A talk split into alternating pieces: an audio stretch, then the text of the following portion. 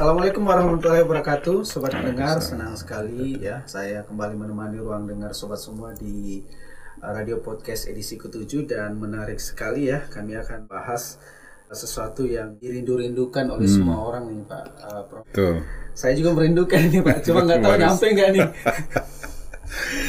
ya, uh, sobat pendengar kita akan membahas tentang pewaris surga. Saya akan memberikan sedikit pengantar ini Pak. Ya. Hmm, Kalau ya, kita lihat silakan. beberapa sumber bahwa surga atau sorga yaitu bahasa Sanskerta Pak ya, Ya, betul. yang artinya uh, svarga atau kayangan. Hmm. Jadi suatu suatu tempat di dalam akhirat yang dipercaya oleh para penganut beberapa agama termasuk kita Islam dan Kristen sebagai tempat berkumpulnya roh-roh manusia yang semasa hidup di dunia berbuat kebajikan sesuai dengan tuntunan agama Ya, masing-masing nih. Betul, ya.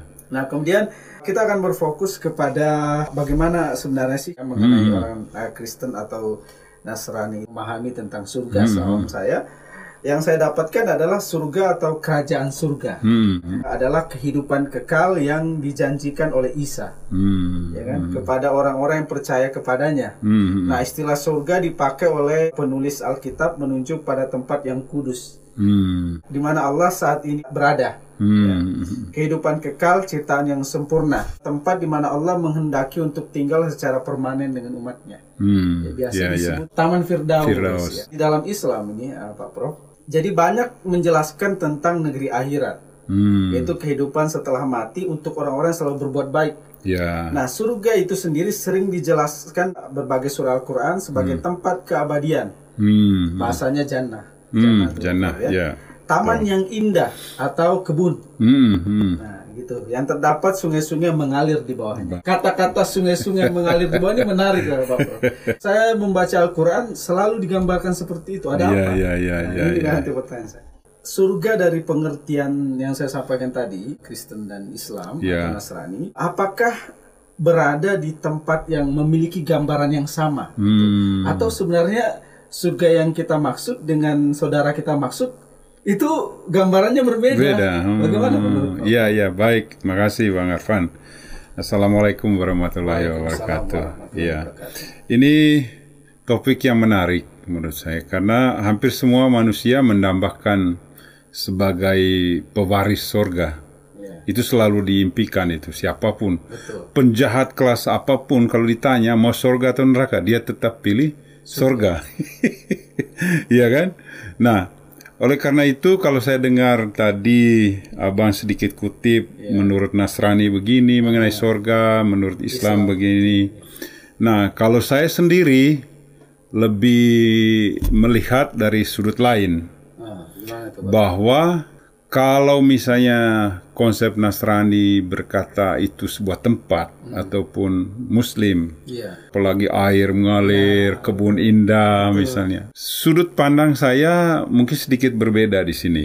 Ketika sampai detik ini pun saya dengan beberapa teman ya mencari tahu secara sains gitu tempat di mana Allah dulu menempatkan Nabi Adam itu belum bisa ditemukan sampai hari ini. Iya, iya. Katanya itu sorga kan. Saya juga terbawa perenungan saya itu melihat orang Rusia yang mencari sorga ya ke langit sampai dia tidak ketemu akhirnya dia jadi ateis. Oh. Hmm, karena mencari sorga itu. Nah, ini perenungan saya pribadi ya, tidak saya tidak mau memaksa pendengar untuk ikuti saya. Diawali dengan ketika Allah menciptakan Nabi Adam dari tanah. Kemudian Allah menghembuskan, memberikan dia kehidupan. Kalau Allah sendiri tidak memberikan dia kehidupan, maka tidak bisa hidup. Nabi Adam itu. Ini yang mulai langkah awal saya merenungkan sorga itu. Ketika kita misalnya meninggal nih, yang jelas ya karena tubuh kita ini dibuat dari tanah ya harus dikubur. Ya kan? Dia kembali ke tanah. Ya. Ya jadi pupuk yang subur ya kan? Artinya ke mana kehidupan itu ya? Allah sendiri yang mengambilnya. Dari dasar inilah menurut saya apalagi objek dari dari surga itu adalah Allah itu sendiri. Saya menyimpulkan sendiri perenungan sendiri bahwa surga itu itu pemaknaan spiritual Oh.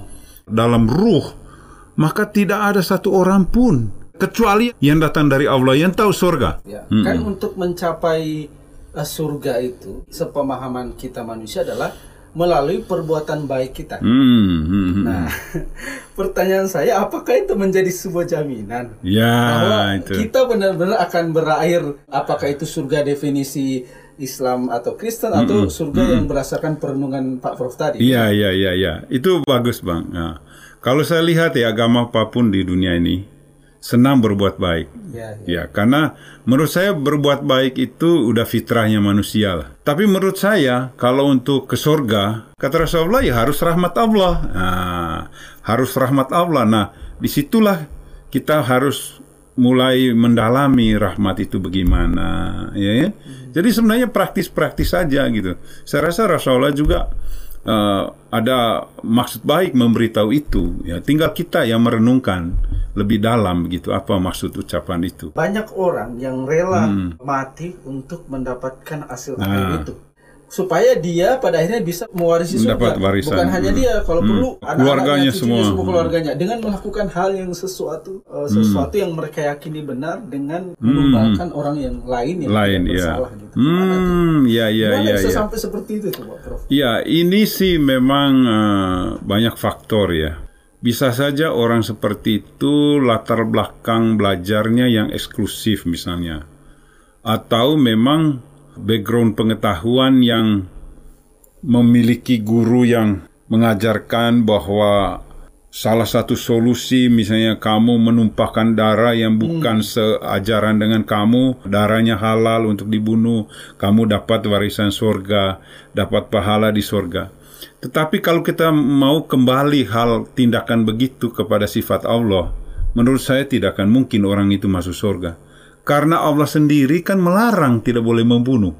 Itu kata tidak boleh membunuh itu itu sudah menurut saya satu kebenaran dari Allah yang general, ya kan?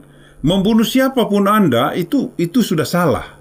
Itu berdosa. Sehingga kalau kebenaran dari Allah sudah ada larangan seperti itu, tidak mungkin dia terima masuk surga orang seperti itu. Apa pun alasannya. Menurut saya, saya ambil generalnya bahwa ingat baik-baik Allah yang Ar-Rahman itu, ya kan? Dia tidak tidak mau juga ciptaannya itu dibunuh begitu saja. Itu larangan dia jelas, tidak boleh membunuh. Tidak mungkin Iya, tidak mungkin jadi pewaris surga atau apalagi mewariskan surga. Oke, iya, seperti itu. Nah, eh, Pak Prof, kemudian eh, tadi di awal kita singgung bagaimana sebenarnya surga itu di, sering digambarkan eh, sungai-sungai mengalir. Hmm, ya. hmm. Surga ini benar-benar ada atau jangan-jangan sekedar metafora? Eh, pertanyaan ini menarik ya, ya karena ini butuh satu pengkajian kebenaran dan perenungan dalam sih mengenai itu ya. Jadi kembali kepada prinsip dasar perenungan saya bahwa sorga itu pasti ada lah, Iya. sorga. Karena kalau kita melihat rujukan firman Allah semua, sering kan orang bilang yang di atas, Ya, kan? betul. Ya. di atas. Tapi kalau bahasa di atas itu orang akademik ya, Ya, ya. di, diteliti di atas mana gitu. Oh, banyak alasan nanti nanti lapisan yang paling teratas itu Firdaus, Betul, ada yang ini penghuni-penghuninya. Heeh. Kalau itu benar di atas itu bisa dijangkau. Hmm. Itu nggak bisa dijangkau bahasa di atas itu. Sah-sah saja lah menurut saya ya. Mau sungai mengalir, mau ada emasnya, ya kan? Masalahnya sekarang ini kita lagi fisik begini itu mulai berpikir cermat. Menurut saya, saya lebih cenderung alami sorga saat kita hidup. Menurut saya. Iya, iya. Apa ciri-cirinya? Ya, dunia ini damai lah, memaafkan. Itu ciri sorga menurut saya. Ciri neraka kok gampang kok. Bunuh orang udah jelas hukumannya kan. Mengkhianati apa semua itu gampang neraka itu. Tapi cirinya sebenarnya menurut saya, pendapat pribadi, mari kita alami di dunia ini selagi hidup. Rasa aman, gembira, ya tenang, kemudian menolong orang lain, memaafkan orang lain, ya banyak hal. Saya setuju dengan satu kalimat yang pernah saya baca dari ucapan Nabi Isa itu, ya kan? Eh, memaafkan musuh itu kan tingkat paling tinggi itu. Iya kan, musuh dimaafkan itu nggak gampang itu. nggak gampang. Kan Pak itu tadi digebukin dulu. Iya, itu yang terjadi sekarang ini masa digebukin dulu baru memaafkan, ya kan? Ini yang harus dipertimbangkan kalau teman-teman mau jadi pewaris sorga, milikilah ciri-ciri sorga itu dalam diri kita. Uh, baik, uh, terima kasih Pak Prof mm -hmm. ya sudah sangat menjawab semua pertanyaan yang ada uh, dari semua penjelasan Pak Prof tadi. Mm -hmm. Pak Prof mengatakan bahwa ya kalau ingin mewarisi surga harus tahu atau temukan rahmat itu. Iya, rahmat itu. Dan uh, harus tahu siapa yang datang dari Allah. Dan tahu siapa yang datang dari Allah. dari rohnya Allah itu sendiri. Nah, semoga bermanfaat apa yang kami sampaikan tentang topik kita pewaris surga. Kami pamit dari ruang dengar sobat semua. Wabillahi taufiq hidayah. Wassalamualaikum warahmatullahi wabarakatuh. Waalaikumsalam warahmatullahi wabarakatuh.